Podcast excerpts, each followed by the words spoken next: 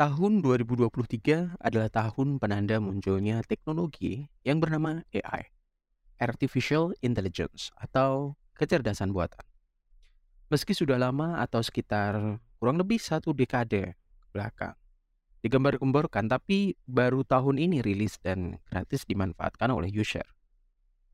Mulai dari pembuatan AI yang bisa mengenerate karya tulis, AI untuk gambar, AI voice recognition, pembuatan wajah palsu, dan seterusnya, ini menarik untuk diikuti dan dimanfaatkan. Penggunaan teknologi ini yang salah satunya yang cukup menarik ya, itu tidak terbatas hanya pada bahasa Inggris atau bahasa asing yang sudah familiar, mungkin bahasa Spanyol, Prancis, dan Penggunaan bahasa Indonesia juga bisa memanfaatkan teknologi berbasis kecerdasan buatan ini. Lalu pertanyaannya, jika bahasa Indonesia saja masih belum baku bagi kita, para pengguna bahasa Indonesia, maka apakah AI bisa mengidentifikasi perintah user atau penggunanya? Well, aku Arif, and welcome to podcast segmen Kosuka, konten suka-suka.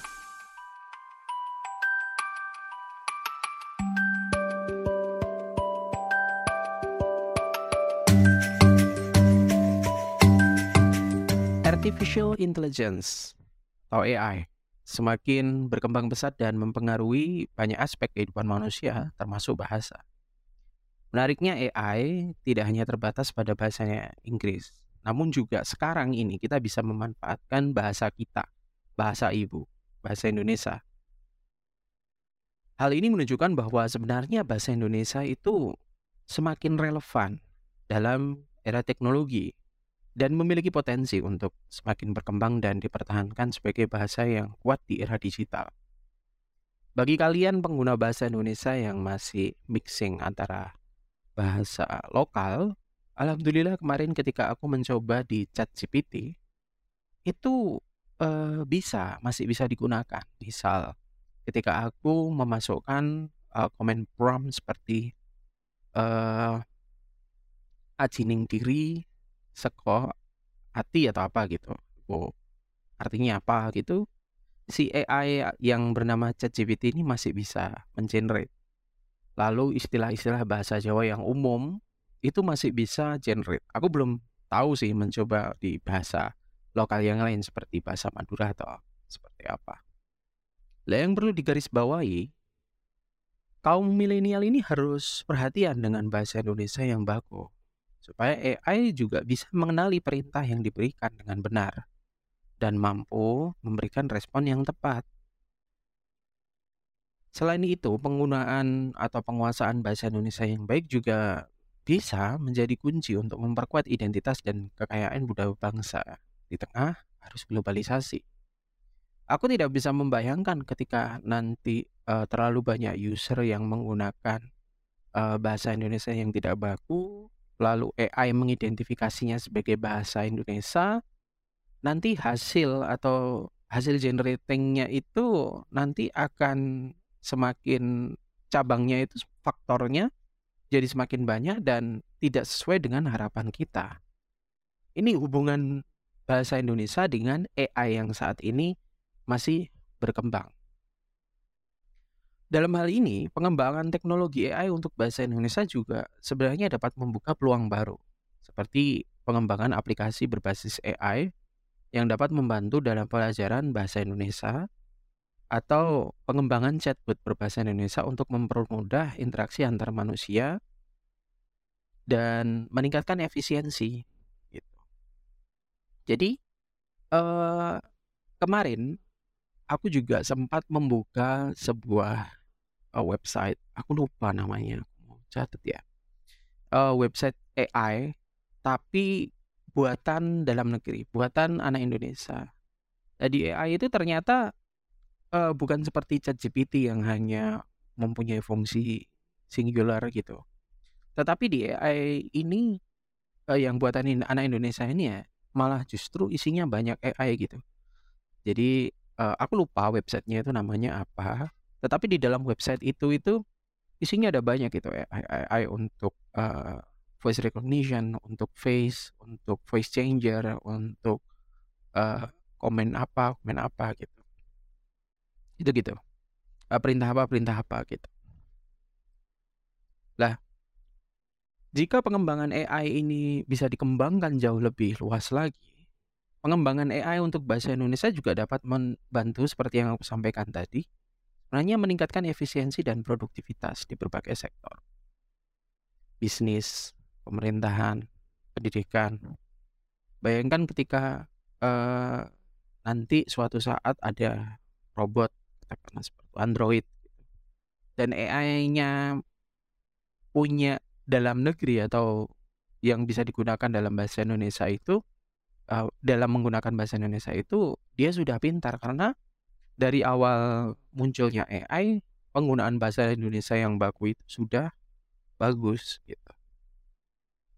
Tapi perlu di apa ya, perlu digarisbawahi juga bahwa pengembangan teknologi AI untuk bahasa Indonesia juga perlu diimbangi dengan upaya untuk menjaga keberagaman bahasa daerah di Indonesia. Agar tidak tergantikan oleh, eee, penggunaan bahasa Indonesia yang lebih dominan. Di episode sebelumnya aku pernah ngobrolin tentang, eee, dead language, language of the dead, sama, eee, language dead. Bahasa Jawa yang sekarang ini, eee, aku gunakan sebagai bahasa daerah, ya bahasa ibuku ya, bahasa pertama. Itu tidak berkembang ya, belum, aku nggak tahu juga ya. Aku ngomongnya apa, kalau ngomong tidak berkembang kok kayaknya miris sekali gitu, tapi memang, eee, apa ya penutur aslinya yang menggunakan bahasa Jawa yang luar biasa kayanya itu, mulai dari Romo Inggil, Ngoko, Madya, itu semakin berkurang gitu loh. Jadi aku boleh dong ngomong bahwa bahasa Jawa itu sebagai bahasa lokalku, bahasa ibuku, itu sebenarnya language dead, sudah berada di status language dead. Eee, tidak berkembang karena, eee, vocabulary-nya juga tidak bertambah, penutur aslinya juga berkurang. Aku sebagai pengguna bahasa Jawa ya udah stuck di sini-sini. Di sini-sini aja. Dan hubungan bahasa dengan AI ini tadi, sebenarnya bisa kita dorong gitu loh. Aku tidak bisa membayangkan ketika nanti ada AI yang berhubungan langsung dengan bahasa, bukan hanya sekedar bahasa Indonesia, tapi juga bahasa lokal.